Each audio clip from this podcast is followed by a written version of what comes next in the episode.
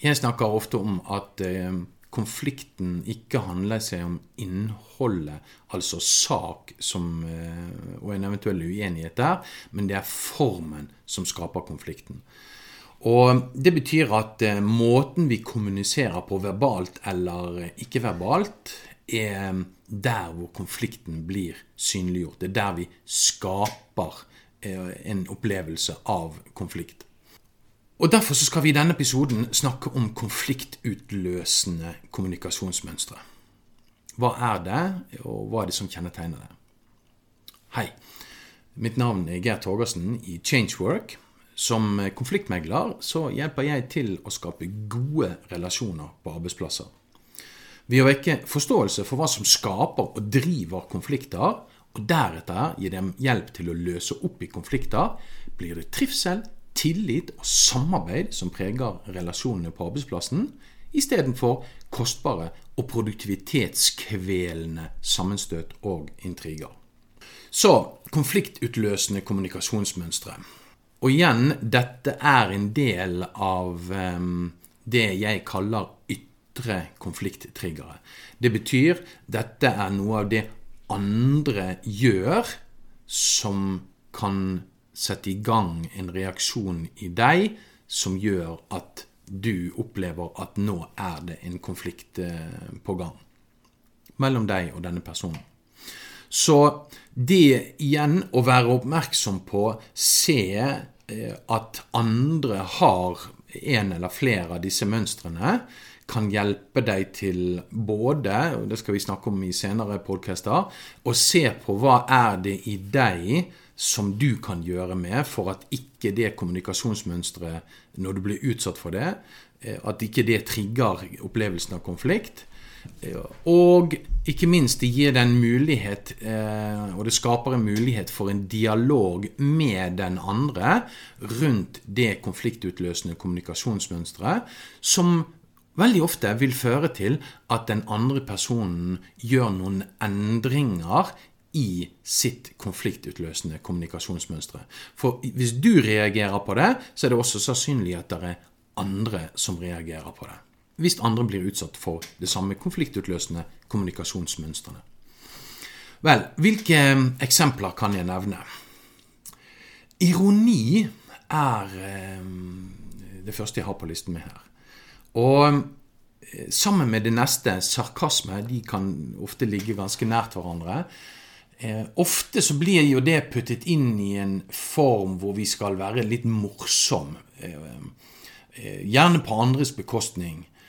Men det er ikke nødvendigvis slik at det den andre personen mener er morsomt med ironi eller sarkasme, også blir oppfattet som moro positiv moro hos den som det blir ironisert over, eller som blir utsatt for sarkasmer. Jeg har en kjæreste. Hun har en del veldig herlige, sjarmerende særegenheter i måten hun kommuniserer på. Og så har jeg eh, etterapet de, og, og, hatt det på en måte litt gøy med, med de eh, kommunikasjonsformene hun har. Og min intensjon har utelukkende vært å være morsom, skape latter og en god atmosfære. Men for henne så var dette et konfliktutløsende kommunikasjonsmønster. Dette satte i gang noe i henne som hun ikke ønsket. Og heldigvis så er hun både smart og klok og modig nok til at hun kom til meg på en god måte og sa ifra om det. Jeg ble overrasket, men jeg skjønte veldig godt hva hun snakket om når hun eh, da påpekte det. Og det var også selvfølgelig veldig enkelt for meg å slutte med både den ironien eh, og, og, og litt kall det positivt stemte sarkasmen. Og dermed så fjernet vi det som ellers kunne eskalert til en konflikt som var mye bredere og dypere enn at uh, jeg drev og, og, hadde litt moro med hennes uh, kommunikasjonsform og uttrykk. Avbrytelse, det kan ofte være konfliktutløsende. Når vi er midt i et resonnement eller en historie og har noe vi ønsker å si, og da blir avbrutt av andre, uavhengig nærmest sagt av hva årsaken skulle være, det kan ofte trigge noe i oss. Uvennlig mimikk kan være konfliktutløsende. Og det kan være eh, skjære grimaser når du snakker eller framfører et eller annet argument. Eh, eller det kan være å himle med øynene når du snakker. Det kan være eh, å Idet du kommer inn i rommet, så går den andre ut. Jeg meglet i en konflikt for en, en to-tre år siden hvor nettopp dette var en av de sterke måtene konflikten ble holdt i live med, det var at den ene parten, hver gang den andre parten kom inn i rommet, og de jobbet i utgangspunktet på samme avdeling, så gikk hun ut. Når øh, hun første kom på jobb om morgenen, så ble hun ignorert. Det var ikke noe 'god morgen'. Eh, og kom hun nærmere for å, å, å starte en dialog, så snudde den andre personen eh, rett og slett ryggen til og gikk bort. Sinne kan ofte være konfliktutløsende. Det er de færreste som liker sinne, og ehm, de fleste vil reagere med at eh, sinne er en overdrevet reaksjon. Det kan være en reaksjon de selv mener de ikke fortjener å bli utsatt for. Så sinne er ehm, ofte, og som oftest, konfliktutløsende. Bortsett fra i konfliktmegling så hender det at um, noe av behovet for å komme videre i eh, håndteringen og løsningen av konflikten, er at eh, folk skal få lov å virkelig gi uttrykk for følelser rundt eh, konflikten slik de opplever den i dag. Og da skaper vi alltid et rom for at det skal være mulig. Og vi er også selvfølgelig veldig opptatt av å ivareta og håndtere det og, på en god måte. Og diskutere etter at sinnet har blitt vist fram, og at vi sammen ser på hva, hva er det, og hva er det som skaper dette sinnet. Taushet er konfliktutløsende. Jeg var litt inne på det i sted. Den konflikten med hvor hun, når hun kom inn på avdelingen, så eh, var det taushet hun ble møtt med, og ingen sa god morgen, og ingen sa god dag. Eh, så det å bli møtt med taushet der hvor det ikke er naturlig med taushet, er en, en ganske sterk konfliktutløsende eh, trigger. Eh, fordi at det blir en, en bokstavelig talt en veldig visuell og tydelig form for utfrysning. Bortforklaringer kan ofte være konfliktutløsende. Det har litt sammenheng med, med dette med ikke ville ta ansvar for ting. Så, så, det å komme med masse bortforklaringer som, som er, og framstår som veldig syltynne, kan utløse konflikt, mangle ansvarstagning. Å sladre og da mener jeg ikke å drive varslingsvirksomhet om, om uh, ting som det må varsles om, men å drive med sladder på arbeidsplassen. Har du hørt siste nytt om hva, hva, den og den sier og gjør?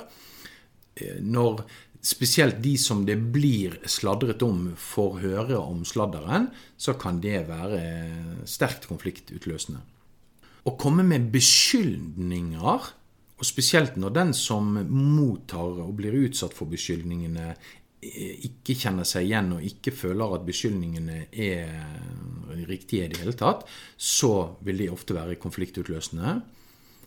Reinspikket løgn er ofte konfliktutløsende. Det eh, treffer noen punkt, vi skal snakke om det senere i oss, som handler om, om eh, det å kunne ha tillit til noen i fortsettelsen av det å, å, sladre eh, Det å snakke om noen og ikke med, altså både det å, å sladre og, og, og, i praksis da ha en taushet overfor andre Det å snakke om, ikke med, det er ofte konfliktutløsende.